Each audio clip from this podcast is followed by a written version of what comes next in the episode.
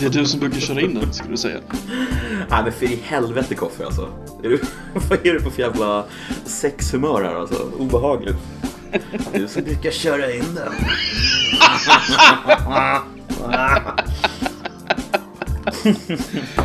Och med de bevingade orden så hälsar jag er välkomna till Koffepodden. Fan, vad- fuck vad illa alltså. Oh.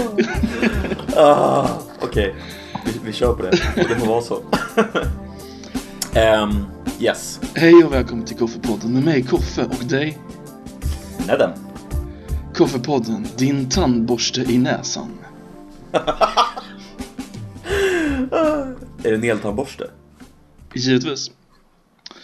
Om jag skulle beskriva Koffepodden med ett ord så skulle det vara tandborste i näsan.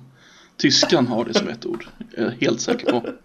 Ja, garanterat. Med något så här härligt, eh, vad heter det, grammatiskt eh, runt omkring också som man måste ha koll på. Tandborste gesagt! Exakt. Ah shit. Vad ska vi prata om idag då, Koffe? Något som är väldigt relevant för tandborstar, nämligen badrum. Oh, ska vi prata om badrum? Vi ska prata om Drömbadrum. bad- drömbadrum. Det är von Adler som har föreslagit detta ämne. Mm. Och bra utöver eh, badrum så ska vi prata om ett annat skithus, Brexit. Jajamensan. Och vad ska Eh, vi vi ska prata prata- om mer? Vi ska prata om Manson-familjen och att det är 50 år sedan eh, dåden 1969. Ska vi prata om. Smarta lyssnare noterar att han säger dåden och inte morden. Detta återkommer vi till. Jajamensan. ja, det är... ja, ja, mm, ja, du kan se på mig som en jurist. Detta var våran största cliffhanger någonsin. Men först badrum. Få höra vad du har för drömbadrum då, för nu... Ja, alltså jag, jag, Mm. Om jag säger så här, jag har en idé om ett drömbadrum och jag tror att den slår din idé om ett drömbadrum, men jag vet inte. Då måste jag få ta lite tid att förklara mitt drömbadrum. Jajamensan. Mitt eh, drömbadrum, okej. Året är... Nej. Ja men vi kanske gör året är. Året är 1982. Du befinner dig i USA. Vermont. Det är en höstdag. Du har en liten, eh, en liten gård. Inga djur eller något sånt där men det är ett stort hus på landet. Du bor där med din, eh, din fru och dina fyra barn. Och i anslutning till eh, master, be master bedroom så öppnar du en dörr och där finner du en stor jävla walk-in closet. I andra sidan av denna walk-in closet där finner du ett badrum, ett stort badrum som ni delar. Du har två handfat, en fin toalettstol, en dusch som är stor nog för två människor samtidigt och ett stort, stort badkar. Dock inte nedsänkt, men väldigt vackert. Och så är det tillräckligt högt upp och det är baserat, placerat bredvid ett fönster så man kan sitta där, dricka lite vin och kolla ut över världen. Får jag fråga en sak? Har det här badkaret såna här fötter av guld? Nej, det är inkaklat. Ah, det är ett inkaklat badkar. Okej. Är det för lite typ terrakotta, beige, uh, tänker jag. Ah, okej. Mm. Vad har du för typ av eh, färger liksom i rummet? Är det vitt? Är det mörkt? Är det... Jag sa precis att det skulle vara terrakotta beige på golvet i alla fall och så fortsätter väl de färgerna här lite, lite överallt. Men gärna ganska basala, lite höstiga, träiga färger sådär. Ja, Jag har inte lite exakt- mysiga färger. Lite mysiga färger sådär och så.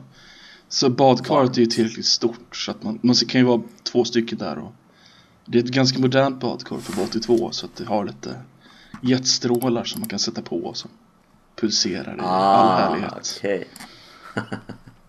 jag fattar, jag fattar. Det här är alltså primärt ett mysbadkar. Det är, det är duschen man använder för att duscha av sig och bli ren och fin. Alltså det här låter ju som den här filmen med Robert Redford och eh, eh, nu vet inte jag vad skådespelerskan heter men det är så här höstigt liksom. Jävligt höstig eh, film. Typ Mannen som talar med hästar kanske den heter. Det är typ, den är från 90-talet någon gång typ. Mm. Ska se. The Horse Whisperer, ja. Det är nog den. Så här höstig, mysig. Mm. Det låter bra. Finns det ett badrumsscen i den filmen? Ja, det är mycket möjligt att det gör det och att det är därför det ringer en klocka i huvudet på mig. Ehm, men jag är osäker.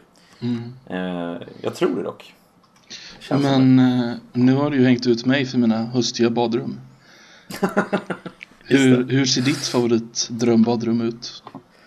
Har du sett, eh, har du sett eh, filmen med, eh, vad heter skådespelaren som eh, var med i Kubricks eh, film eh, Clockwork, Clockwork Orange? Är inte det Anthony Burgess? Jaha, uh, jo han har nog skrivit den ja. Ja, han kanske har skrivit den. Vad heter han som spelar i filmen då? Vad heter han? Ludwig van Beethoven? Mal... Nej, inte Malcolm. Ja, precis. Det är Malcolm... Ma- Malcolm, Malcolm McDowell. McDowell. Malcolm McDowell, just det. Malcolm McDowell. Han, eh, han gjorde en film på 70-talet. Eh, tror jag. Som heter Caligula. Åh herregud, okej. Jag vet Ja. vilken film det där är ja. Ja. Eh, Caligula Bath vill jag att du googlar på nu. Caligula Bath. Eh, och där var det naket.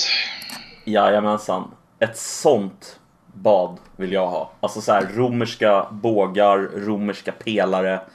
En stor, du vet så här pöl i mitten med så här trappor ner på sidorna. Och sen så eh, i liksom marmor, vit marmor. Eh, och eh, vindruvor vill jag ha i mitt badrum. Jag gillar att det går dem en lång lista av fysiska grejer som ska vara där. Sen bara, och så lite vindruvor. Ja men så här, det ska vara, det ska liksom skrika dekadens. Jag vill, jag vill ha ett badrum som bara säger så här. Här händer det saker. Ditt badrum skriker sliskig 70-talsporr om jag ska vara ärlig. Exakt det vill jag att det ska säga. Det är mitt badrum. Det är mitt favorit. Min, Jag är, ganska, föreställ dig det badrummet. jag är ganska säker på att den var förbjuden i Sverige när den kom. För att den var pornografisk. Um, Är det så? Själva filmen eller? Ja, alltså att den fick uh, vuxen rating i alla fall.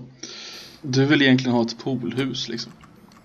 Ja, exakt. Det är vad jag skulle vilja ha. Alltså för mig, för mig, alltså badrum för mig, jag tycker inte det är sådär superexotiskt.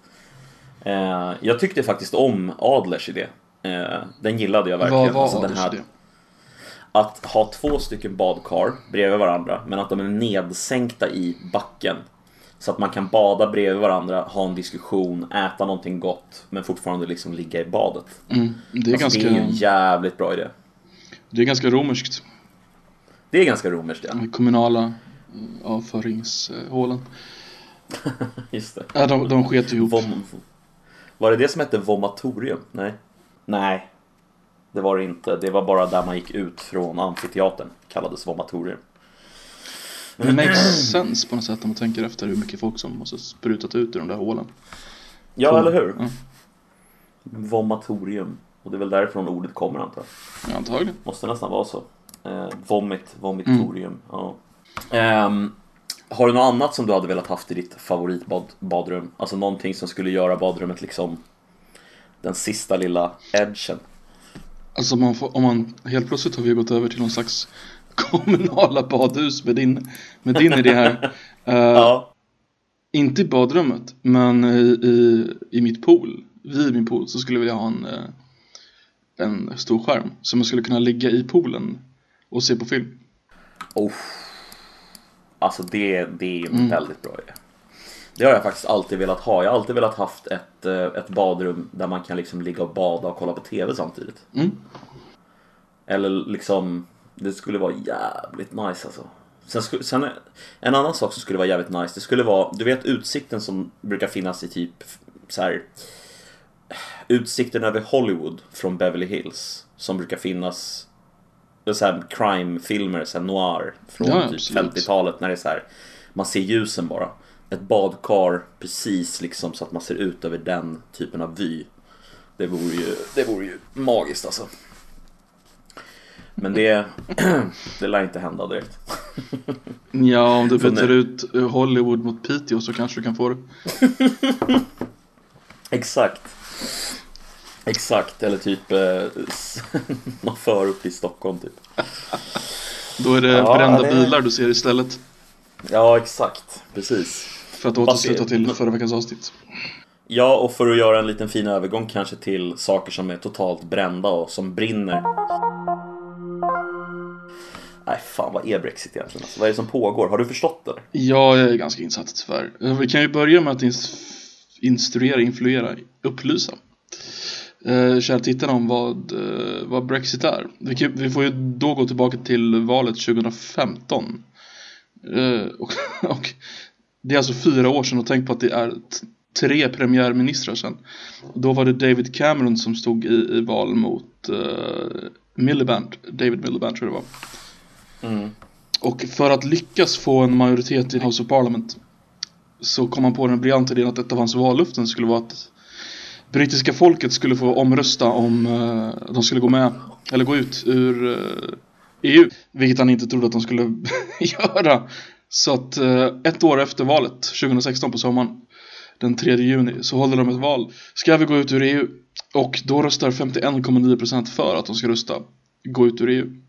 Vilket gör att eh, dagen efter så, nej två veckor efteråt så går David Cameron och eh, säger upp sig. Två veckor efter det så blir det Theresa May som blir den nya brittiska premiärministern. Även i det premiärministervalet som eh, skedde på samma sätt som det senaste där så var det endast medlemmar i det konservativa partiet Tory som fick eh, vara med och rösta. Och även då så var Boris Johnson på tapeten men han, han gav upp den kampen då. Mm. Och sen ungefär ett år efter det, den 29 mars, så ger uh, Theresa May den så kallade brevet till EU. För att, uh, vad som kallas Article 50, det vill säga då man går ut ur EU. Article 50 är väldigt speciellt för ett, två år efter du har lämnat in det så går, åker du automatiskt ut oavsett vad som händer. Det är för att det ska ge lite, lite energi i förhandlingarna helt enkelt. Så den eh, 29 mars 2009, 19 så åkte Storbritannien ut ur, nej det gör de inte. De eh, fick en förlängning. Men vi kan börja med att den 14 november 2018, alltså ungefär 18 månader senare, så får de äntligen eh, avtalet från eh, som Englands regering och Engl, EU har gått med på. Som jag glömt vad det heter nu. Checkers deal heter den. Kommer du ihåg? Nej, faktiskt inte. Det har jag inget minne av. Ja, men den hette Checkers deal i alla fall. Eh, vilket får dåvarande utrikesministern, tror jag han var, Boris Johnson att avgå med kommentaren This is vassal state stuff. För det finns en liten deal, en liten klausul i Checkers-dealen som inte Storbritanniens regering vill gå med på. Och det är nämligen eh, the backstop, vilket skulle innebära att två år efter eh, England skulle gått ut ur EU för att då påtvinga England lite regler om de inte har en permanent lösning på den irländska frågan, det vill säga att det inte skulle bli en hård gräns. Då skulle de bli eh, med i EU i princip utan att ha något att säga Mm. till om. Och det skulle då krävas en tvåsidig agreement att de skulle få gå ut och lämna the backstop. Detta är något som Irland har krävt för att de inte vill ha en hård gräns mot Nordirland. De vill ju för övrigt ha Nordirland som en del av sitt själva. Även om de officiellt inte säger det längre. Men de, det är väl ganska uppenbart att Irland vill vara enat. Givetvis. Ja, och det är därför då som eh, Storbritanniens parlament har vägrat acceptera den här dealen flera gånger. Jag tror de har haft vad de kallar fyra meaningful votes, det vill säga röstat på samma grej fyra Mm. gånger. Och till slut så fick eh, Theresa May säga ja, om ni, inte, ni får rösta på det här en gång till. Röstar ni ja, så avgår jag. För hon visste att hon var så jävla impopulär. Ja, fan alltså. Vilket, eh, alltså då, då, jag tyckte faktiskt lite synd om henne då. Men inte ens då så röstade de igenom det. Och hon fick avgå och eh, Storbritannien fick en förlängning till den 22 maj. Eh, om de godkänner dealen. Det gjorde de inte. Då fick de en till förlängning till den 31 oktober om England har EU-val. Så England var tvungna att ha ett EU-val. Mm. Vad hände i EU-valet? Brexitpartiet blev det enskilt största partiet, inte bara i England utan i hela EU. Det är alltså Nigel Farage nya parti. Som är ett enfrågeparti och det de vill göra är att gå ut ur EU. Eh, Detta gav lite mer energi till brexitörerna som de kallas. Och Boris Johnson blir den nya partiledaren för Tories. Det blev han i sommar här. När var det? Kommer du ihåg det? Vilket typ ju... Ja, när exakt blev eh, Eh, Boris Slutet Johnson... av juli. Ja, det var det va? Slutet av juli. Slutet av juli. Yes. Det är ganska intressant för att i, eh, augusti är deras eh, ledighet. Mm. Brittiska parlamentets ledighet är till eh, slutet av augusti. Sen så, det här blev ju en eh, stor debatt också. För uh, ett av de första grejerna som Boris Johnson gjorde som premiärminister det var att begära ett nytt Queen Speech. Queens Speech händer i början av varje parlamentisk session. Alltså början av varje år, inte början av varje eh, femte år då, som deras regering egentligen brukar vara. Men nu var det så att det var inget förra året på grund av omvalet. Och det var ingen eh, innan det heller. Ja, de hade krockat med varandra helt enkelt. Så det blev ingen. Så det här är den längsta tiden det gått utan en Queen's Speech sedan inbördeskriget på 1600-talet. Oj! Mm. Det är inte Det så många i svensk media som har tagit upp det. Eh, Så det att han begär ett Queen's Speech är inte så ovanligt egentligen. För det är nämligen i Queen's Speech som, det är en del av öppningsproceduren av parlamentet som är för övrigt oerhört Mm. intressant så vi borde gå in på. Men det är Queen's Speech skrivs av premiärministern. Mm. Och det är, utgör eh, grunden av vad de kommer göra under sin mandatperiod. Det är alltså där de presenterar sin politik. Mm. Så det här var ett sätt för Boris Johnson att få presentera sin politik. Vad det däremot hade gjort, det var att det hade tagit fyra dagar, krävt fyra dagar ledighet. Mm. Men, vad händer i september? Parlamentet stänger igen. De är uppe till två veckor. Sen Mm. så stänger de igen. För det är nämligen i september som det är, nej de är uppe till en vecka tror jag. Nej, två veckor. Ja, de, de stänger för det är då det är de nationella partiernas eh, årsmöten. Ja, men precis. är, Deras... är alltid i september. Vilket har gjort att de stänger hela parlamentet igen i september och öppnar i oktober. Och då hade de tagit fyra dagar. Vilket hade gjort att de hade hamnat ganska nära Brexit. Vilket, trodde att folk gjorde, vilket gjorde att folk trodde att Boris Johnson bara maskade då för att få komma Mm. närmare no deal som folk verkar tro att han vill komma till. Mm. Men egentligen fyra, att ta fyra dagar för att få ja, få ut sin politik är inte jättekonstigt egentligen. Nej. Skulle jag säga. eh, nej, det är väl inte jättekonstigt. Alltså det som är... Eh, det som jag tror att de reagerar på är väl att det är ett så unikt läge Mm. och att man därav kanske borde strunta i formalian. Men det känns ju som att formalia och eh, det brittiska parlamentet går ju hand i hand. Liksom. De, det är ju de kanske två mest... Alltså Ja. det måste väl ändå vara kanske den mest konservativa institutionen eh, i mångt och mycket i sättet de beter sig på och är och så. Jag, jag, jag läste lite om det där om hur brittiska parlamentet öppnas eh, varje år då, öppnas de ju igen efter semestern. Mm. Det går till och med ut, de har till och med en eh, designated hostage från parlamentet som drottningen tar innan hon kommer till parlamentet för att säkerställa att drottningen kan återvända till Buckingham Palace i fred. Ja, just det. Så de har en, en parlamentariker för att inte vara med på öppningen. Eh, Det är till och med så att dörrarna till, eh, till parlamentet brukar alltid vara öppna men de stängs då när drottningen ska komma för att drottningen ska knacka på. För att visa att parlamentet är självständigt. Mm. Och Ja, det eh, är- alltså, det, det, hela, det hela börjar med att drottningens vakter genomsöker källaren av parlamentet för att säkerställa att inte Guy Fawkes gömmer sig där fortfarande.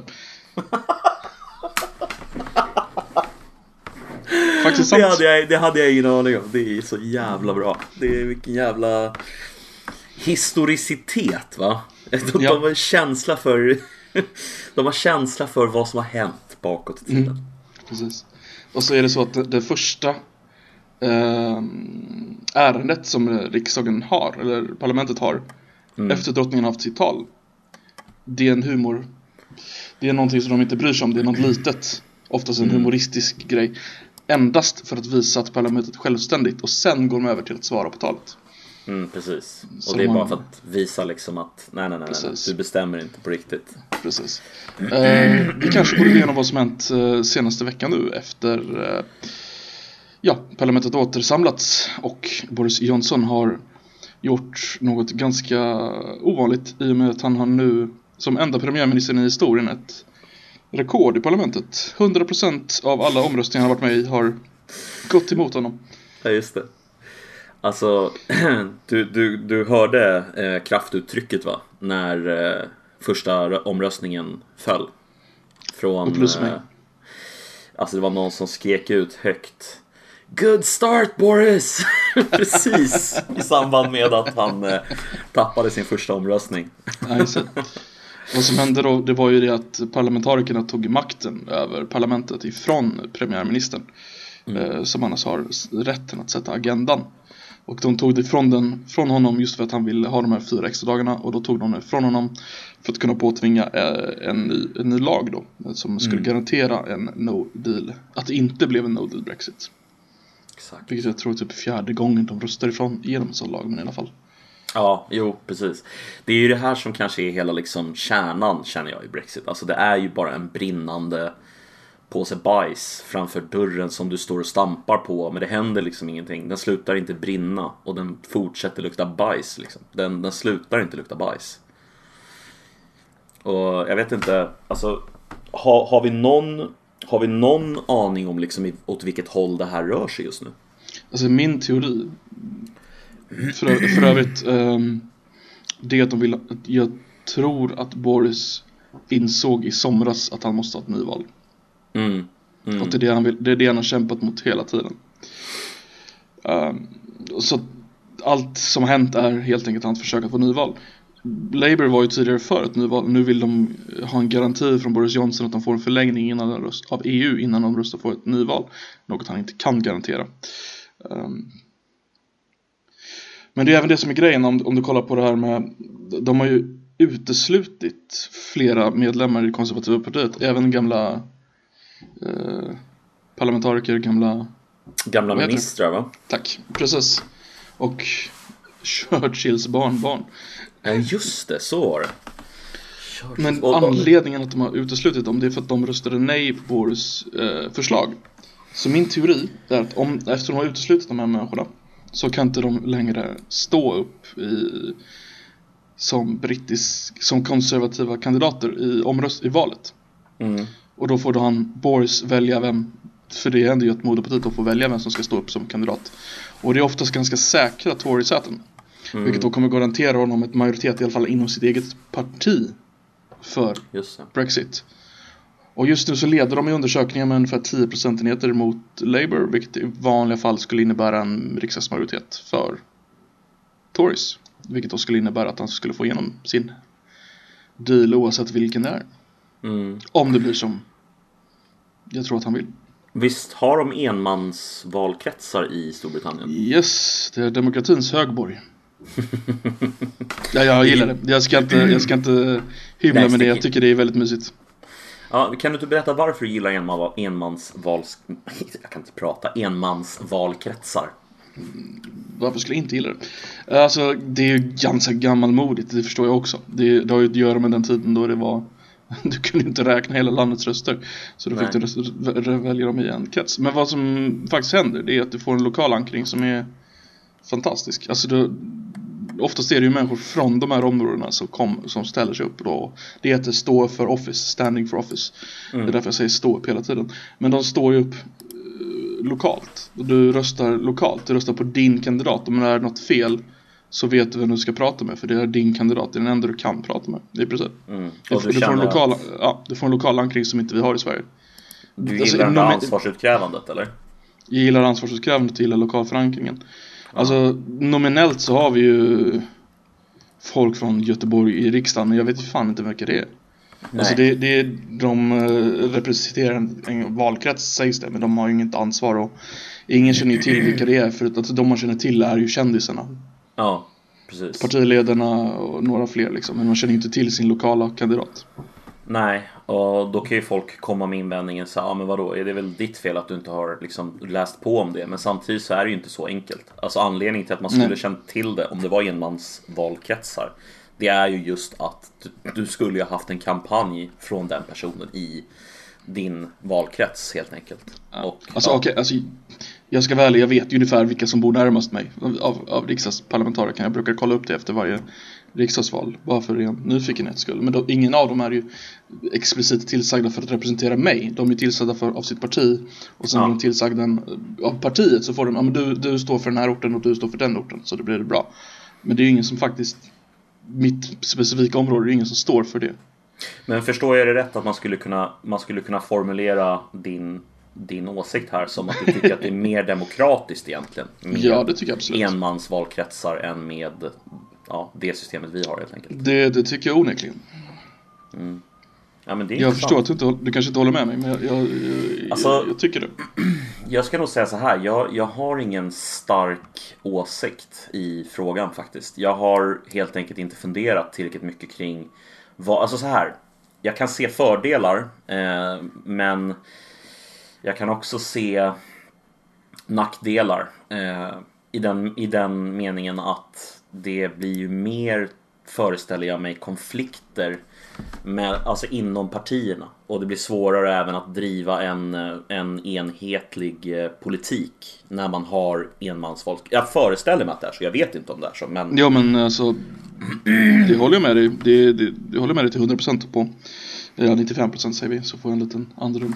Men det kan du kolla på i, i- Brexit-omröstningen här, då, de som röstar nej och är med i Torypartiet, de säger men mina, mi- my constituency believes this. exakt. Al- Alltså deras valkrets tror inte på det här valet och då röstar de nej. Så då, då har ju en, eh, det blir ju svårare på så sätt för partipiskan att tvinga igenom nya grejer. Mm. Men samtidigt så har du i, i ditt lokala har du en, garant, en starkare garanti för att din röst blir hörd. Och så skulle jag vilja argumentera för att du har en, en, en bredare bredd av politiska åsikter med det här.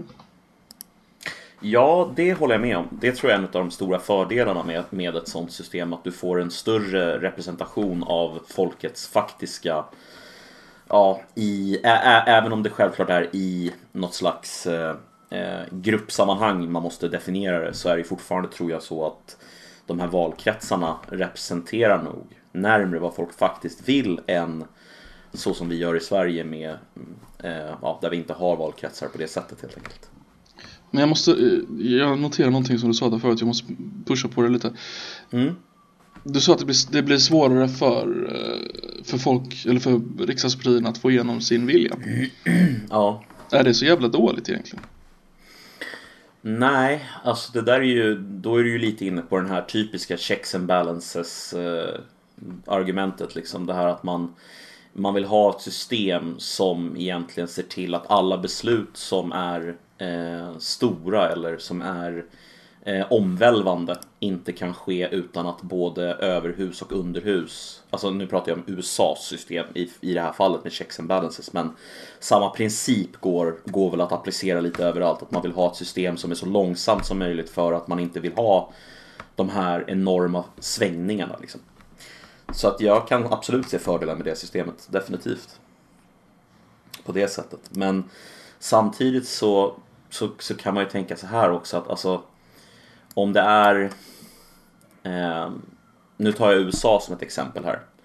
Eh, för att jag är otroligt mycket bättre på det amerikanska politiska systemet än jag är på det brittiska. Men eh, Du kanske till och med är bättre på det amerikanska än det svenska. Ja, jag skulle nog nästan säga det. Eller åtminstone lika bra som jag är på det svenska. Men just det här med filibustering. Ehm, jag ska berätta bara vad filibustering är för de som inte vet det. Det är alltså att eh, i senaten så kan du eh, helt enkelt filibustra som det heter. Och det betyder alltså att om ett lagförslag ska röstas igenom så har du rätt att plädera eller tala liksom, inför eh, senaten. Och när du gör det så finns det ingen övre gräns på hur länge du får tala. Så du kan helt enkelt bara fortsätta och fortsätta och fortsätta och fortsätta och därmed stoppa den här eh, juridiska processen där folk ska då rösta för, eller politiska processen där folk ska få rösta. Eh, så att alltså jag kan liksom se att det finns fördelar med det demokratiskt eh, om man ser det som demokratiskt positivt att eh, ha fler checks, checks and balances. Men samtidigt kan jag se liksom att ett system där man har mycket tydligare sådana här strukturer som ska stoppa folk från att förändra också kan verka negativt i vissa sammanhang. Där det är någonting där alla, säg att alla, nästan alla i ett samhälle tycker någonting. Men en väldigt liten minoritet eh, kan stoppa det från att hända. Är det demokratiskt? Det tror jag inte riktigt händer med en, eh, en om du har en stor majoritet för någonting så kommer det inte st- stoppas för proportionerliga val. Alltså, Nej, men alltså, ta- ta, ett exempel. Säg att du har ett lagförslag i senaten Alltså, i det- USA. Alltså med, pro, alltså med enpartikretsar, enmansvalkretsar, Mm. vilket var det jag argumenterade för, då skulle Mm. inte det stoppas Om det var något så oerhört populärt skulle inte stoppas. Det skulle ju vara om det är någonting som är 45-55 kanske. Då kanske 45 procenten skulle kunna stoppa det om de hade rätt eh, personer som står i deras valkretsar. Mm. Men hade du haft en större majoritet än det så skulle du nog inte kunna stoppa en, eh, någonting tror jag. Mm. Men sen så, sen så tar du upp något som är oerhört intressant när har minoriteten eh, eh, rätt över majoriteten. Mm. Demokrati måste ju vara mer än eh, fyra vargar och en, eh, ett får som röstar om vad som är till mat. Ja, du tänker på det här med det här klassiska majoritetens förtryck, eller vad man ska kalla det för. Ja, precis. För det, det är ju ändå ett problem man måste ta hänsyn till. Eh, och där är ju checks and balances kanske någonting positivt också. Mm. Om en, om en majoritet vill rösta igenom någonting helt galet så kan ju förhoppningsvis ett sådant system stoppa det. Precis, USA är väldigt eh, speciellt med det att många kommentatorer i det landet påpekar hela tiden vi är inte en demokrati, vi är en republik. Just Mm. av denna anledning. Mm. Det är väldigt intressant faktiskt. Så det är intressant att du tar USA som exempel då när vi pratar om Storbritannien. Så tar du USA som ett exempel för att där det inte kan hända, men där det händer. Ja. Ja, precis. Nej, men jag vet inte. Jag, jag, alltså jag tycker väl egentligen att diskussionen handlar om checks and balances i relation till Brexit här. Att det liksom är Mm. en fråga om, vill man ha ett system med starka che- checks and balances eller vill man ha ett system där det är lätt att få igenom politik? Alltså jag, jag vet inte, för mig är inte den, jag tycker den frågan är svår alltså. Jag tror det är eh, Italiens parlament där du får, om du blir största parti så får du 100 extra säten. Va? Det där Jag tror det är, aldrig Ita- hört. det är något europeiskt parlament, jag tror det är Italien. Okej. Bara för att du ska bli lättare att styra. Ja. Det- De har typ ja. 700 säten så att de får typ, jag tror det är Italiens parlament. Ska inte, jag svär inte på det men jag har för mig att det är det. Antingen är det de eller något hela Balkanland. Mm. Ja, det kan säkert stämma. Jag, jag, jag har aldrig hört det förut dock. Men Nej men hur sjukt. ställer du dig till det? Du, du, du är ju mycket lättare att styra om du får extra säten. Ja, mycket, mycket lättare.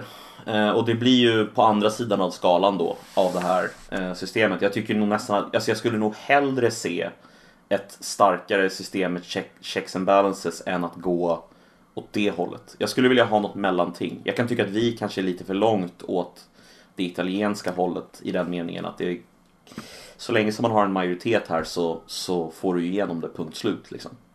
Ehm, jag kan väl tycka att jag kan väl tycka att man behöver någon slags konstitutionell rätt som man inte ska kunna ändra på. Medan vi kan ju bara ändra grundlagen ganska lätt. Liksom. Det är inte så jävla svårt. Det är bara ett val emellan. Precis.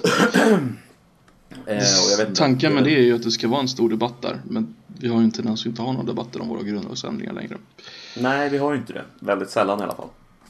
Eh, Jag kommer ihåg eh, valet 2000, ja var det förra valet? Ja det måste det varit. Så stod det på framsidan av Aftonbladet tror jag det var. Grattis Sverige, du har en ny grundlag. Mm. Och det var ju ingen som hade haft den i, i debatten överhuvudtaget. Nej, det var inte en fråga. Men det var väl bara någon sån här petitessförändring antar jag. Alltså så här, det, Det, brukar ju det, vara det. det, det stora det var ju det att eh, mångkulturen skrevs in i grundlagen. Ja, så var det ja. Just det.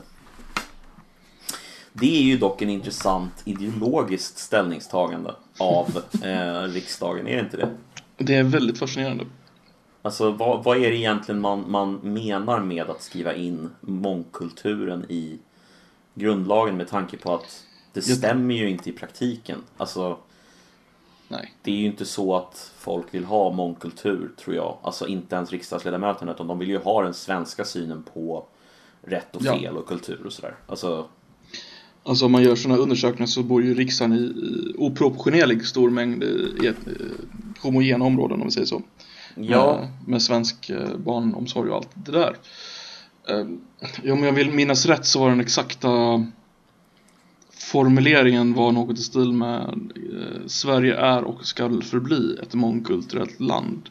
mm, Och jag tror de menar med det är att vi ska respektera och vad jag, på riktigt vad jag tror att de menar och nu menar jag ordagrant att vi ska respektera minoriteters existensrätt att vara sin egen kultur. mm, Och jag tror dels att de menar det som minoriteter och jag tror att de menar det i någon form av antirasistisk eh, nej nu kommer SD, nu gör vi någonting för att visa att vi står på rätt sida i historien.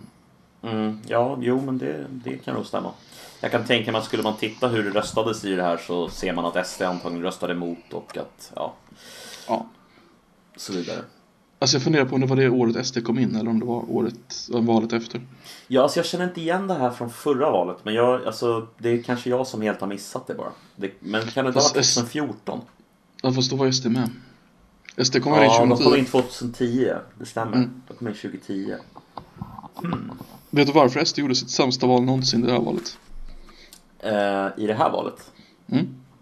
Och Förutom att de gjorde sitt bästa val menar du, eller? Ja. Vet du varför det var det sämsta någonsin? Nej. För alla val sedan 1996 innan det hade de dubblat. Ah, ja, jag fattar. Men de kan ju inte ha varit långt if- Ja, oh, det måste de ha varit. Vad fick de? 12? 12? 11 typ i, vad heter det, 2014? Fick de inte det? Uh, ja, det låter bekant. Och sen så nu fick de typ nästan 17 eller något sånt där. Ja, 18 tror jag. Ja, Så det var, ju, det, var ju, det var ju långt ifrån en dubbling. ja verkligen. Och hade de dubblat shit, där och sen alltså. dubblat nästa val, då hade de varit i majoritet själva. För, för att bara liksom så flytta tillbaka det här till Brexit så har jag en fråga till dig. Mm, Om eh, Moggs eh, liggande pose. Jacob hände Rees-Mogg. där? Ja, kan du berätta vem han är för? Jacob? Rees-Mogg har vi faktiskt pratat om tidigare i den här podden när han blev eh, ledare för eh, Underhuset. Då han hade Ja, en stilguide. just det. Jacob Rees-Mogg är mannen som tycker att 1800-talet är lite för modernt. Det har faktiskt Burkrow sagt i parlamentet. Det snodde jag från honom. Ja. Ehm, ja, Han har även sagt Behave boy! Eller han sa det senast nu ja, eh, här i veckan. ja. Till Alltså Jacob Rees-Mogg är en underbart fascinerande kuf. mm, Alltså han är en historisk anakronism. ja, Men vad, han. vad, han, han är ledare för Underhuset. Det är hans jobb idag. Han är ju en del av Mm. riksregeringen. Eh, vad som hände, det var helt enkelt eh, Det brittiska parlamentet gör något som det svenska parlamentet inte gör. Nämligen att eh, de kör på tills dagordningen är klar. Så sitter de där till tio på kvällen så sitter de där till tio på kvällen. Japp. I Sverige hade alla gått vid tre för då var då, det var dags att hämta barnen på dagis. Exakt. Jag Men inte- ja. Ja men du vet ju, du vet ju att där har ju alla nannies. Det är, det är ju inget snack om den saken. Speciellt Jacob Rees-Mogg. Jacob Rees-Mogg har samma nanny som han själv hade när han var liten. De, de har behållit honom henne i familjen.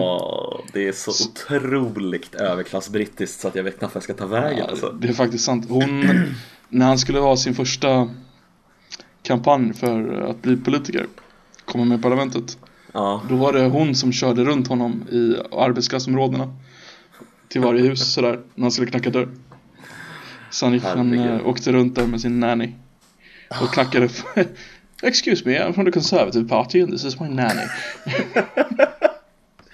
Ja, Så står det någon go kolarbetare där vet du. Ja.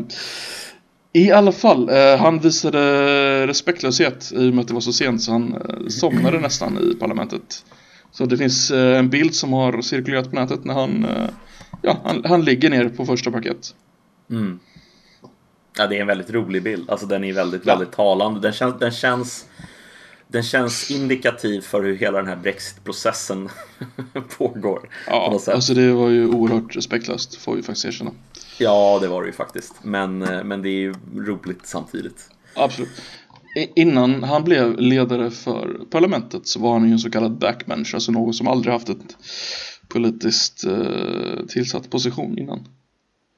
Och det, vilket gjorde att han satt verkligen eh, i princip längst bak, längst bort. Så hade han, hade han varit lika trött för, för några månader sedan så hade ingen sett det, för då fanns inga kameror pekade på honom. Men man, man undrar ju lite, alltså han är ju någon slags eh, förste brexitör inom, inom Tories på något sätt. Alltså han, han är ju brexitörernas brexitör. Och han har Ja. ju blivit... Ja men alltså inom För, Tories. förutom, förutom, ja precis, inom Tories. Ja, förutom Nigel Farage som inte sitter i parlamentet liksom. Men alltså Nej. det är ju ändå... Någonstans är det ju på något sätt... alltså, han viftar med taktpinnen nu och, och vill, vill ha alla med sig i den riktningen med liksom en, Mm. en hard Brexit. Och jag vet inte, jag börjar luta mer och mer mot att det faktiskt kommer bli en hard Brexit nu. Det, det kommer bli en hard Brexit. Jag tror jag att... tror eh, jag tror inte EU går med på en förlängning. Nej. Jag tror inte... eh, Boris Johnson kommer bli lagligt tvingad att begära en förlängning. Mm. Eftersom han, på grund av den här no, no deal-klausulen. Eh, han har alltså redan blivit anmäld då. Av, för, för att de tror att han kommer sänka. Förhala så mycket som möjligt. Och även om det blir en eh, omval. Så tror jag inte de får en majoritet för någon deal överhuvudtaget. Eftersom, Nej. Eng- eh, eftersom EU verkar fast besluten med eh, eh, checkers deal. Och Mm. kanske speciellt the backstop. Som Mm. är en no-go för UK. Men jag, alltså jag börjar förstå det också som att eh, Alltså det som det verkar som att eh, eh, Bojo eller Boris Johnson faktiskt skulle kunna göra om han vill Genom att obstruera, det är att han skulle kunna göra precis som han vill Och sen eh, gå och Alltså Nu kommer jag med mina ang, ang, anglos ang, Anglo ang, ang, Anglicismer Anglicismer här Men Yes. eh, han skulle kunna gå och challengea själva beslutet eller utmana själva beslutet i, eh, i domstol. Men först i efterhand. Är du med? Så att han kan åsidosätta och göra, det här var alltså någonting jag läste idag, jag tror det var DN som skrev om det. Att det spekuleras i att en av vägarna som han kan tänkas gå är den vägen. Det vill säga att hans juristerna inom Tory kommer helt enkelt få eh, eh, utmana den här lagen i domstol men att han kommer göra som han vill i alla fall ungefär. Och att han då också kan bli åtalad och åka dit. Men att han kanske tar den risken. Så att det, det kan bli sprakande det här alltså. Han är ju lite som Carl Bildt i det att han är väldigt hal. Han är väldigt hal alltså. Jag måste hålla med om det. Han har haft en del kontroverser i, i sina dagar. Och ändå aldrig liksom, det har liksom aldrig riktigt fastnat på honom. Det finns en teori att han medvetet inte kammar sig för att han ska vara extra hal. Att folk inte ska ta honom seriöst. Ja, det, alltså vem vet? Alltså, jag läste någon... Hans, hans bror är ju med i parlamentet. Det Ja. avgick för övrigt i veckan på grund av Brexit. Men de är identiska förutom att bron kammar sig. Just det, just det. Jag, alltså jag läste någonting om att... Eh, jag läste något porträtt på, på Bojo. En så här lång, lång form porträtt där de skrev liksom om hans barndom.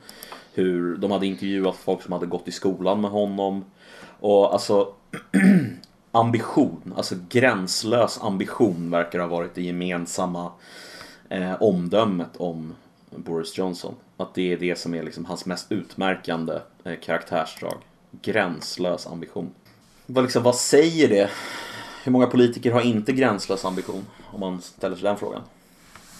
Alltså gränslös ambition kan ju innebära att han vill bli något större än statspremiärminister. Ja, det skulle det kunna göra. Ehm, Det är väl han, nu- alltså det känns som något man skulle kunna säga om honom och Trump typ. Ja, faktiskt. Gränslös ambition. Oavsett vad det kostar. Nästan. Vem, vad, vad är Sir Nicholas Soames? Kan du berätta lite om det? Swames, Soames. Soames. Ja, vi har redan gått igenom det. Det är Churchills eh, barnbarn. Han är över 70 år gammal. Ja, just det. Och eh, han eh, gav ett... Han visste att han skulle bli utkastad ur partiet. Om han röstade nej, så han gav ett tårfullt eh, avskedstal i princip i parlamentet. Mm. Han sa varför han skulle rösta nej. Och sen så röstade han nej. Mm. Och Och så fick fick han lite ja, och så fick han lite applåder.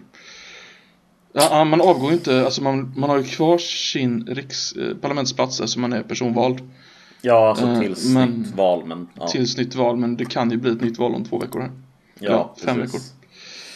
Ja, rimligen så är väl det Tror- den mest tror- sannolika utgången, tror jag. Du tror det? Du tror att det blir? Ja, jag tror det. Men Labour som måste rösta för det. Ja. De måste ha två tredjedelar av alla, av alla sittande Ja. ledamöter måste rösta för ett val. Alltså enda, kommer- enda anledningen till att jag tror det är för att det jag läste i den här artikeln idag mer eller mindre säger att Alltså han kan tvinga igenom det typ. Alltså han, han, Han kan, kan- tvinga fram det på något sätt genom att Ja, nu kan jag inte säga exakt hur han skulle göra, men det hade, det hade att göra med vetorätten inom EU. Eh, att han typ kan... Alltså nu, nu, nu, nu spekulerar jag, för att jag kommer inte ihåg exakt. Men jag tror det hade att göra med att det ska tillsättas kommissionärer och han kan stoppa hela den processen om han vill. Och det, det kan sätta honom i en position som tvingar fram ett nyval på något sätt. Genom att Frankrike blir så trötta på dem så att de slänger ut dem ur EU, typ. Och något åt det hållet. Okej, det har inte jag hört. Det var ju fascinerande. Så här, ly- lyssna, lyssna på det här. Eh, enligt anonyma källor i regeringskansliet som både The Telegraph och The, The Times citerar är Johnsons plan nu att hota EU med att blockera hela unionens arbete. Detta skulle ske genom att Storbritannien vägrar nominera en kommissionär med avsikten att hindra den nya kommissionen från att tillträda i höst. Om EU försöker ändra regeln om att kommissionen ska innehålla en kommissionär från varje medlemsland, då kan regeringen Johnson lägga in veto på det. Det vill säga, man kan stoppa hela processen om man vill genom att använda sin vetorätt. Då då. Eh, och då står det så här att enligt en före detta chef på Europeiska rådets juridiska avdelning skulle dock EU-kommissionens arbete inte stoppas av det. Däremot skulle Storbritannien sannolikt dras inför EU-domstolen. Eh, Att denna brittiska taktik skulle få EU att backa vad gäller knäckfrågorna i avtalet är också osannolikt. Men det är inte omöjligt att det är avsett att provocera Frankrike och i andra EU-länder så att de till sist sparkar ut Storbritannien. Jag blandade ihop det här med nyval. Det var inte, hade inget med nyval att göra, men det är tydligen en potentiell obstrueringstaktik. Ganska intressant. Det där är bara något någon som är gränslöst ambitiös skulle göra. Mhm. Eller hur? Ja, men där, där, där får man nästan en definition av orden. Ja. Oerhört fascinerande. Ja, ja det, här, det här kommer vi nog få möjlighet att komma tillbaka till i pod, podcast som kommer här i närmaste veckorna för att det här är inte över ännu. Långt ifrån. It's ain't over till Boris Johnson sings. Namn på eh, avsnittet, ja. Ja, Manson-familjen, 50 år sedan morden. Det har ju kommit ut en ny film här i sommar. En film som heter Once upon a time in Hollywood, tror jag. Quentin Tarantino-film som delvis då tar upp någon teori. Jag har inte sett filmen ännu, men eh, den, den tar då upp Manson-morden. Eh, för de som inte vet och är bekanta med Manson-familjen och Manson-morden så 1969, sommaren där, så Eh, begicks ett eh, gäng bestialiska mord. Eh, framförallt då mördades eh, skådespelerskan och frun till Roman Polanski, alltså eh, regissören med eh, ungefär 100 knivhugg varav eh, många i hennes åttonde månaden gravida mage. Eh, och de som gjorde det här det var då alltså eh, tonåringar till unga vuxna eh, tjejer som eh, var med i en, eh, en eh, kult skulle man kunna kalla det eller en, en hippie, ett hippiekollektiv som, som utförde de här bestialiska morden och det var då på inrådan av deras, eh, ehm, deras guru som hette då Charles Manson. Eh, och Charles Manson han, eh, man brukar säga så här att, eller man brukar säga så här, det sägs om honom att han var the boogeyman innan eh, Usama bin Laden. Alltså det vill säga att när man refererade till någon som den ondskis, ondskefullaste personen så var det alltid tankarna gick till Charles Manson och vad han fick de här unga tjejerna att göra. Eh, Men då visar det sig att det är en journalist som har utrett de här morden. Eh, han fick en uppgift, två, nej 1999 fick han uppgiften att eh, skriva 3000 ord för tidningen Premiere som primärt då jobbade med eh, eh, filmbranschen och Hollywood, eh, musik. Eh, om just eh, de här morden då och Manson-familjen. Eh, men istället för att det blev en 3000 eh, ord lång artikel så blev det istället en 20 år lång eh, eh, djupdykning i det svarta hål som Manson-fallet faktiskt är. Ehm, Du har ju precis läst en artikel som jag skickade till dig på det här. Vad har du för, har du för tankar kring det där? Har du några funderingar? Ja, jag har eh, en tanke som jag vill ställa innan vi börjar med den tanken. Det, är, det, det finns en eh, vanlig, det, det vanliga narrativet och så finns det det här nya narrativet. Eller hur? Mm, precis, exakt. Och inom det vanliga narrativet, vad är motiveringen till att de mördade de här kändisarna? Det, det klassiska narrativet när det kommer till eh, Manson-familjen det är att Charles Manson, eh, han, för det första så var han rasist eh, och han ville se till så att det blev ett eh, eh raskrig. Och det raskriget skulle då stå mellan svarta och vita människor i USA. Han var helt övertygad om att de svarta människorna skulle vinna över de vita. Så därför så eh, hade han föreställt sig att hans familj skulle förflytta sig till ett hål i ett berg eh, mitt ute i Death Valley. Och där skulle man helt enkelt, eh, där skulle man helt enkelt eh, övervintra tills eh, själva kriget var över och alla svarta hade dödat alla vita. Och sen så skulle man gå ut och så skulle man ta makten över de svarta. Det är alltså det officiella narrativet av varför de här morden eh, begicks. Det var för att sätta igång den här revolutionen.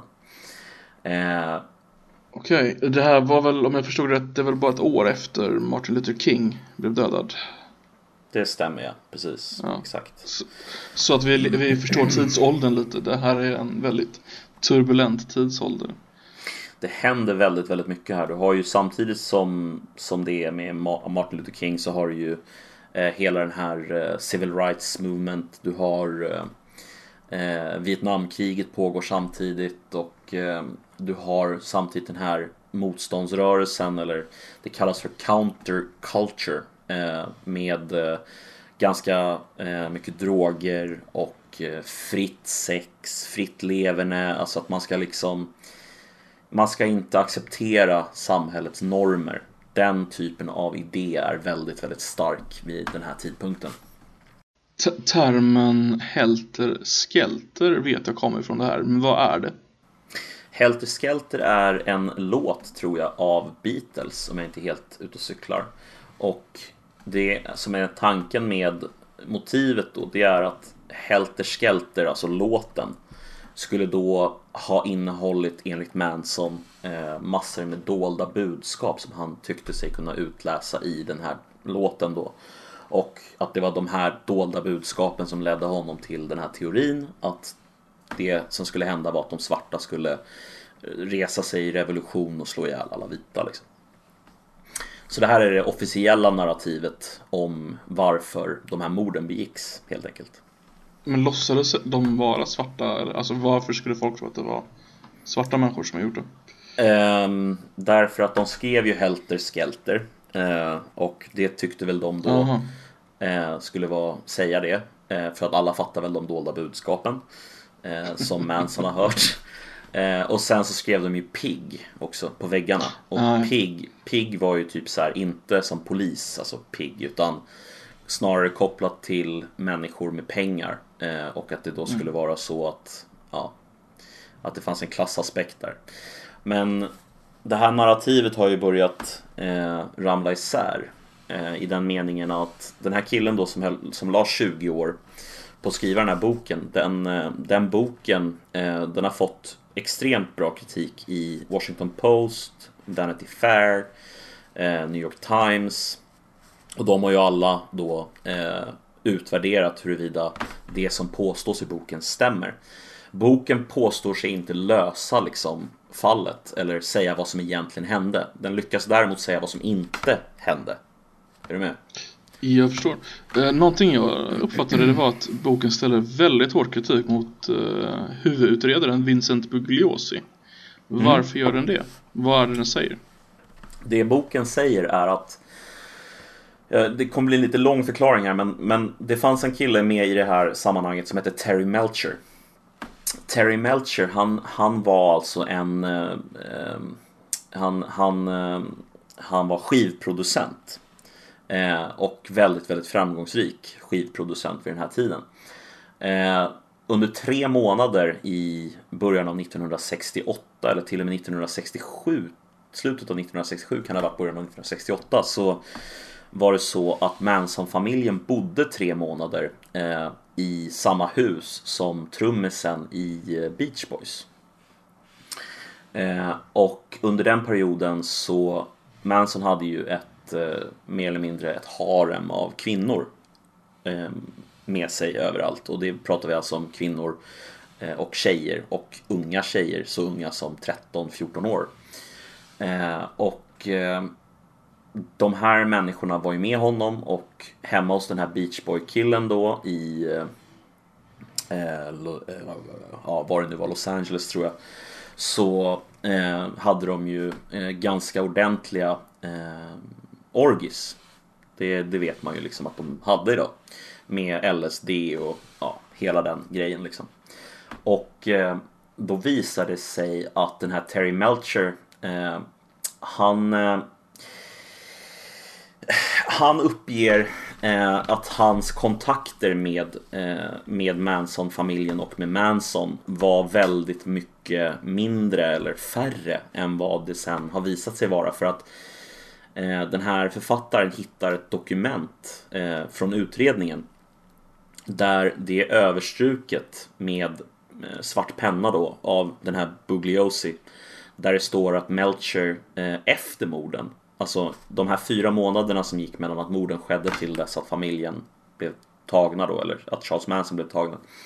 Så var Terry Melcher och besökte familjen tre gånger. Och bad på sina bara knän eh, om förlåtelse av Charles Manson. Eh, och det som har hänt där är ju svårt att säga men, men eh, ingenting utav det som den här Bugliosi hade strukit över eh, fick till exempel hans medåklagare veta eller ens det finns ju något som kallas för nu kommer jag inte ihåg namnet men det finns en lag i USA som gör att om eh, åklagaren har tillgång till någonting så måste även eh, försvaret ha tillgång till samma material. Eh, och den, den regeln hade de helt struntat i och även hans medåklagare visste inte om att det här stod om de här tre besöken. Och när Melcher blir, satt, blir satt på eh, som vittne då och ska få berätta om sin upplevelse så nämner han ingenting om de här tre eh, tillfällena efter. Det kan ju finnas en bra förklaring på det här men grejen är den att han konfronterar ju Eh, eh, Bugliosi med det här. Och Bugliosi har ingen bra förklaring på det här. Han kan inte förklara varför det är så här. Han har inget minne av att han har gjort det överhuvudtaget. Så att... Eh, eh, alltså en, en, en konspiratorisk möjligen, men inte helt omöjlig teori skulle ju vara att Melcher helt enkelt inte vill att det ska komma ut att han har haft tajtare koppling till Charles Manson än, eh, än han faktiskt hade. Det vill säga han vill, han vill hålla det hemligt. Eh, det är ju nämligen så att den här killen intervjuar ju även Terry Melcher senare i boken som jag har läst och eh, det är ett intressant möte om vi säger så. Han försöker sälja in att den här författaren ska skriva hans memoarer istället. Nästan som en, som en muta liksom så här. Ja, men, kan du inte bara släppa det här? Om du släpper det här så, så lovar jag att du får skriva om min mamma istället som var Doris Day som var jättekänd skådespelerska. Eh, hon var inte alls någon, eh, någon bra tjej utan hon gjorde mycket skumt och det kan jag berätta för dig. Så att, jag vet inte, det är, det är en hel del runt omkring det här som, som åtminstone tyder på att det kanske inte gick till exakt så som den officiella berättelsen är. Han eh, försökte göra karriär helt enkelt kan man säga. Kanske. Ja, alltså och det här, hade väl, det här hade väl stoppat honom möjligen. Mm. Eh, om det kom ut. Men eh, det intressanta med det här är att efter eller intressanta, men efter det här så ble, blev ju då han Terry Melcher som var skiv, skivproducenten då. Han eh, låste mer eller mindre in sig i, sin, eh, i sitt hus eh, och var aldrig mer någon eh, publik person efter, efter det här. Och innan det här så hade han varit mer eller mindre eh, en av de hetaste eh, personerna i eh, Hollywood. Så att eh, mycket intressanta saker som hände där. Eh, under något av det som eh, som vanligt när det kommer till dig och något du är intresserad av så finns det en CIA-koppling. ja. Det gör det även här, eller hur? Ja, alltså den är, lite, den är lite speciell för att det är så här att de här människorna de, de befann sig i ett område som heter Haight Ashbury. Eh, som ligger i San Francisco. Under 67 tror jag. Och 68. Och då är det så här att de frekventerade ett par kliniker som gav gratis eh, eh läkarvård. Och det var då framförallt för sexuella överförbara sjukdomar eftersom de här tjejerna, de, de var mer eller mindre hans harem och han prostituerade dem till andra människor. Eh, och då visar det sig att eh, en av dem som är researcher, alltså på en av de här klinikerna som studerade då LSD, tror det eller ej. Eh, den personen var också samtidigt Mansons parole officer. Ehm, och den personen eh, lät Manson göra väldigt, väldigt mycket udda saker under väldigt lång tid utan att eh, sätta ner foten och se till så att han hamnade i, eh, tillbaka in i fängelse. Eftersom han var bara på parole så skulle man kunnat stoppa honom ganska tidigt, men det gjordes inte. Det en annan aspekt av det som är intressant, det är att de här personerna i sin tur som då Manson hade daglig koppling med under en väldigt lång period. De personerna eh, har kopplingar till en annan klinik som låg där som eh, egentligen inte var en läkarklinik utan det var mer en, en eh, de kallade det för en hangpad. Du fick komma mm. dit och du fick umgås och vara där på obestämd tid hur mycket du ville. Så länge som du var okej okay med att de personerna som hade det där stället fick studera dig. Eh, och titta på dina beteenden och dina drogvanor och så vidare. Och så vidare. Och han som drev det institutet eh, har under väldigt, väldigt lång tid blivit anklagad för att ha haft att göra med MK Ultra. Eh, och MK Ultra är då helt enkelt CIAs försök till att lära sig hur man skulle kunna använda sig av olika typer av droger eh, för att eh, kontrollera någon, eh, alltså hjärntvätta någon. Det var det det gick ut på. Det har, det har sin upprinnelse i Koreakriget. Du vet, man, mm. påståendet från USA var att de här det var ett par flygare som blev tillfångatagna i Kina och Korea där under kriget. Och de kom ju tillbaka eh, efter kriget eller under kriget och hävdade att eh, USA hade använt biologiska stridsmedel. Och det, det, blås, det blåste undan när USA eh, lyckades övertyga världen om att de hade blivit hjärntvättade. Är du med? I see. Och personen som då avprogrammerade de här människorna, om de nu var hjärntvättade, det var den här personen som sen i sin tur också då drev den här kliniken. Och den här personen som drev den här kliniken, vi är inte färdiga där nämligen. Därför att det fanns inget konkret bevis på att han hade någonting att göra med M-Kultra. Det var det som var liksom, det fanns ingen smoking gun överhuvudtaget. Mm. Men den här killen då på grund av att han var så besatt han, han åkte till UCLA där, eller om det var Berkeley, jag kommer inte ihåg, något av de där två universiteten. Eh, där den här killen då hade jobbat sina sista tio år och där hade de alla hans papper. Som han hade sparat. Så att i någon slags eh, sista desperat försök att hitta en koppling mellan CIA och den här personen så eh, åkte han till, eh, till det här arkivet en gång om dagen hela sommaren. Tror det var 1900, nej, 2009 tror jag det var. Eh, och då visade det sig helt enkelt att han hittade ett dokument och det här är då en av de grejerna som gör att Washington Post och New York Times och så vidare har valt att skriva om det här. Och det är för att han hittade ett dokument som är skrivet från den här personen till eh, chefen för CIAs eh, vetenskapsprogram, eller vad man ska kalla det för. Eh, mm. Och det var då Sidney Gottlieb. Eh, Sidney Gottlieb är typ känd som en sån här man brukar kalla honom för crazy nazi, nazi scientist. Han, är, han var ju givetvis inte nazist men alltså han gjorde många av de här experimenten som är väldigt, väldigt kontroversiella med LSD på folk som inte visste om att de blev utsatta för LSD och så vidare. Och så vidare.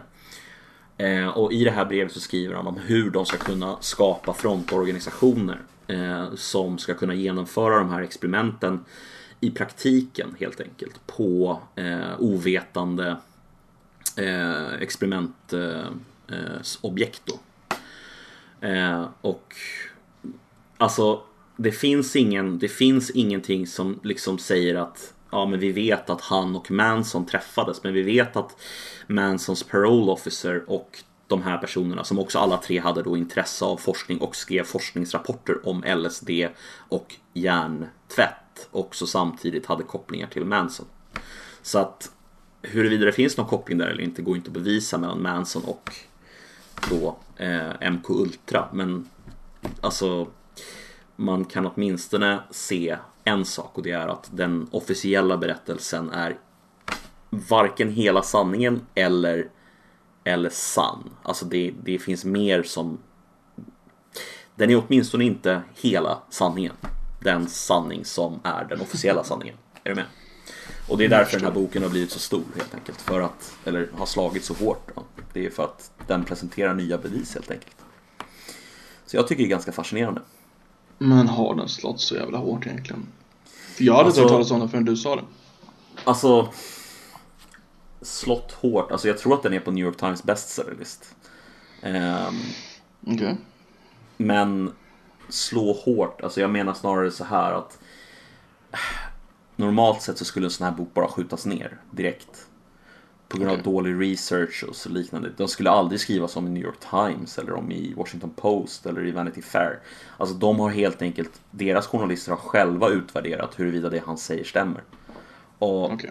tyvärr så visar det sig att mycket av det han helt enkelt baserar sitt case på är saker som, han är ju bara, han är själv en invest, alltså så här, eh, en eh, uppsökande journalist. Han är inte någon konspirationsteoretiker.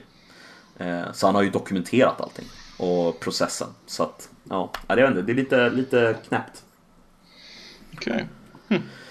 Så att, eh, bli inte förvånad om, om eh, det visar sig att eh, eh, caset, för att så här är det också. Den här medåklagaren, han, har, han, har, han, har då, han tycker att han kan fallet bäst av alla. Okej. Eh, för att han har då fått gå igenom fallet igen varje gång som eh, familjens... De har ju såna här hearings där de funderar på om, okej, kan den här personen släppas ut eller inte? Och då har han alltid lyckats argumentera för att de ska eh, inte släppas ut. Eh, han presenterade sina bevis för honom och den här mannen sa innan det mötet att ingenting du presenterar skulle kunna göra att jag ändrar åsikt om vad som hände. Och efter han hade fått se på alla de här grejerna så visade det sig att han ändrade åsikt om vad som hände. Så att, ja det är lite så här. Mm. Det är väl för sig ganska stort. Ja, alltså det tyder åtminstone på att den sanningen som var den officiella berättelsen kanske inte riktigt är hela sanningen. Eh, eller kanske inte ens är sanningen utan att det är någonting annat. Typ att ja, man kanske helt enkelt dödade eh, människor eh, som man tyckte jävligt illa om. Eh, typ Roman Polanski och Sharon Tate. Man, jag menar, kanske trodde att Terry Melcher skulle vara på plats för det är nämligen så att samma hus som Roman Polanski och Sharon Tate bodde i. Där i det huset bodde Terry Melcher bara tre månader innan. Jaha. Du nämnde, du nämnde Roman Polanski, men han är ju inte död. Nej, eh, precis. Han är ju inte död. Eh, men han bodde i det huset. Det visste ju Manson om. Men han visste ju inte om att han inte var där just då, för då var han och spelade in en film i Storbritannien. Så att eh, det var bara Sharon Tate och hennes eh, bekanta som var där. Och någon hårfrisör. Inte så bara. Inte så bara. De dog. Ja, det var väl det jag hade att säga om det. Ja. Sen kan man ju kanske ta upp att Polanski, hur kommer det sig att han är fortfarande så uppskattad? Är han uppskattad fortfarande? Roman Polanski är ju den där kända regissören som gjorde The Pianist. Han eh, är fortfarande en av kanske världens mest eh, framgångsrika regissörer. Men han är också en utav få som har flytt USA eh, på grund av att han våldtog en 12 eller 13-åring. Jag kommer inte ihåg hur gammal hon var men det är en ganska speciell människa måste man ändå säga. Pedofil, för det första.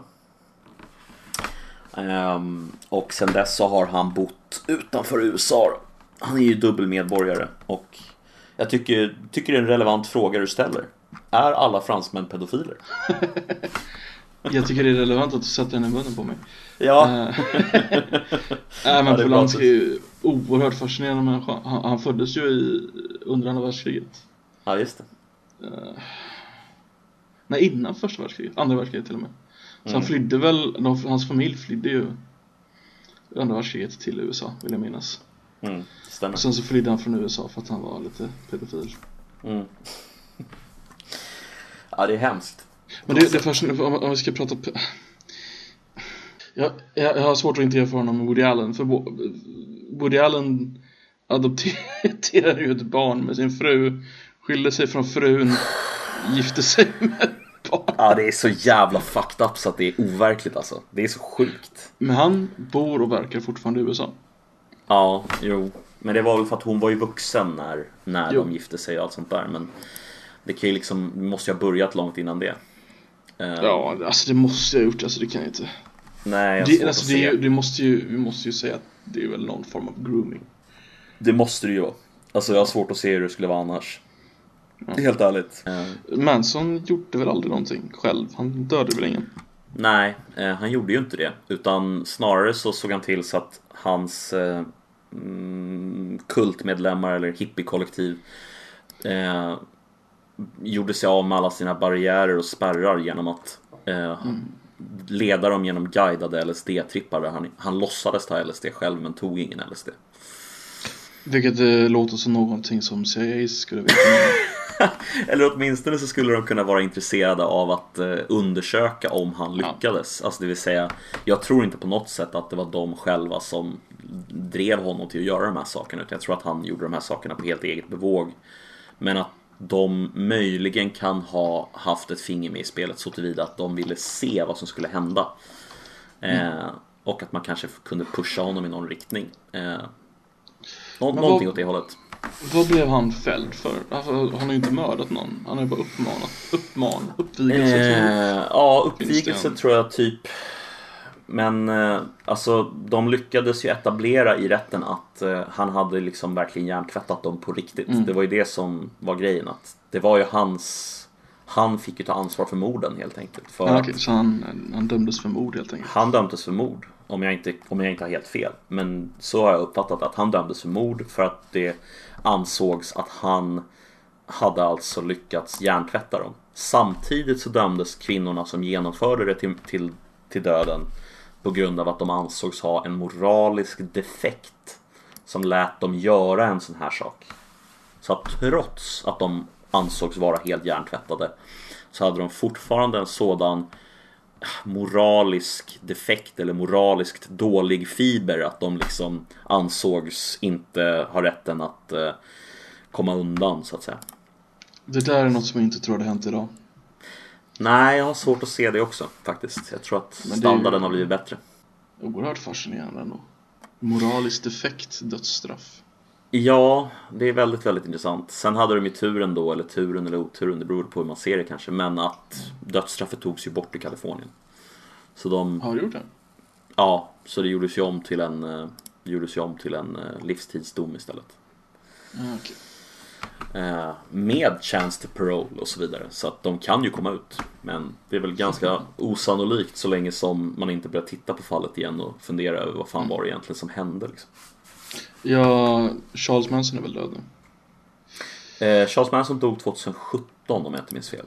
Eh, och eh, sen dess så, så har det börjat komma fram saker om, eh, om honom och om de här kvinnorna helt enkelt. Det finns en dokumentär på SVT Play som var ganska intressant. Den tar, Ja. sig mer, den tar upp den officiella historien eh, om Manson-familjen men den innehåller lite av de här andra detaljerna. Eh, och den har även, eh, det är även så att det var ett dokumentärteam som var på plats och filmade de här människorna. Precis när eh, Manson blev tagen till fängelse. Eller nej, tagen till rättegången och de började köra igång hela processen mot Manson. Så var det en familj, eller en familj, jag blandar ihop nu. Men det var en, eh, det var en eh, dokumentärfilmare, eh, unga dokumentärfilmare som fick tillgång till familjen och som filmade deras reaktion mer eller mindre. Och det är med då i den här, i den här dokumentären. Det är väldigt intressant att se. Alltså de är ju väldigt, väldigt speciella de här människorna. Och när jag, menar, när jag säger det så menar jag att det är obehagligt att titta på. Alltså det är riktigt otäckt. Och den finns alltså på SVT Play. Yes, jag tror den heter Manson-familjen. Då rekommenderar vi den till alla tittare och alla lyssnare speciellt. Mm, det låter bra. Ja, då tackar vi för den här veckan. Vi har snackat lite om Brexit, vi har snackat om Manson-familjen och vi har framförallt snackat om badkar och eh, badrum. Som jag tycker är kanske det viktigaste ämnet. Eh, jag tackar för mig, Nedden, och du tackar för dig. Ja, och dina dekadenta jävla badrum. ja, det är bra det. Tack. Hej. Ha det gött. Hej.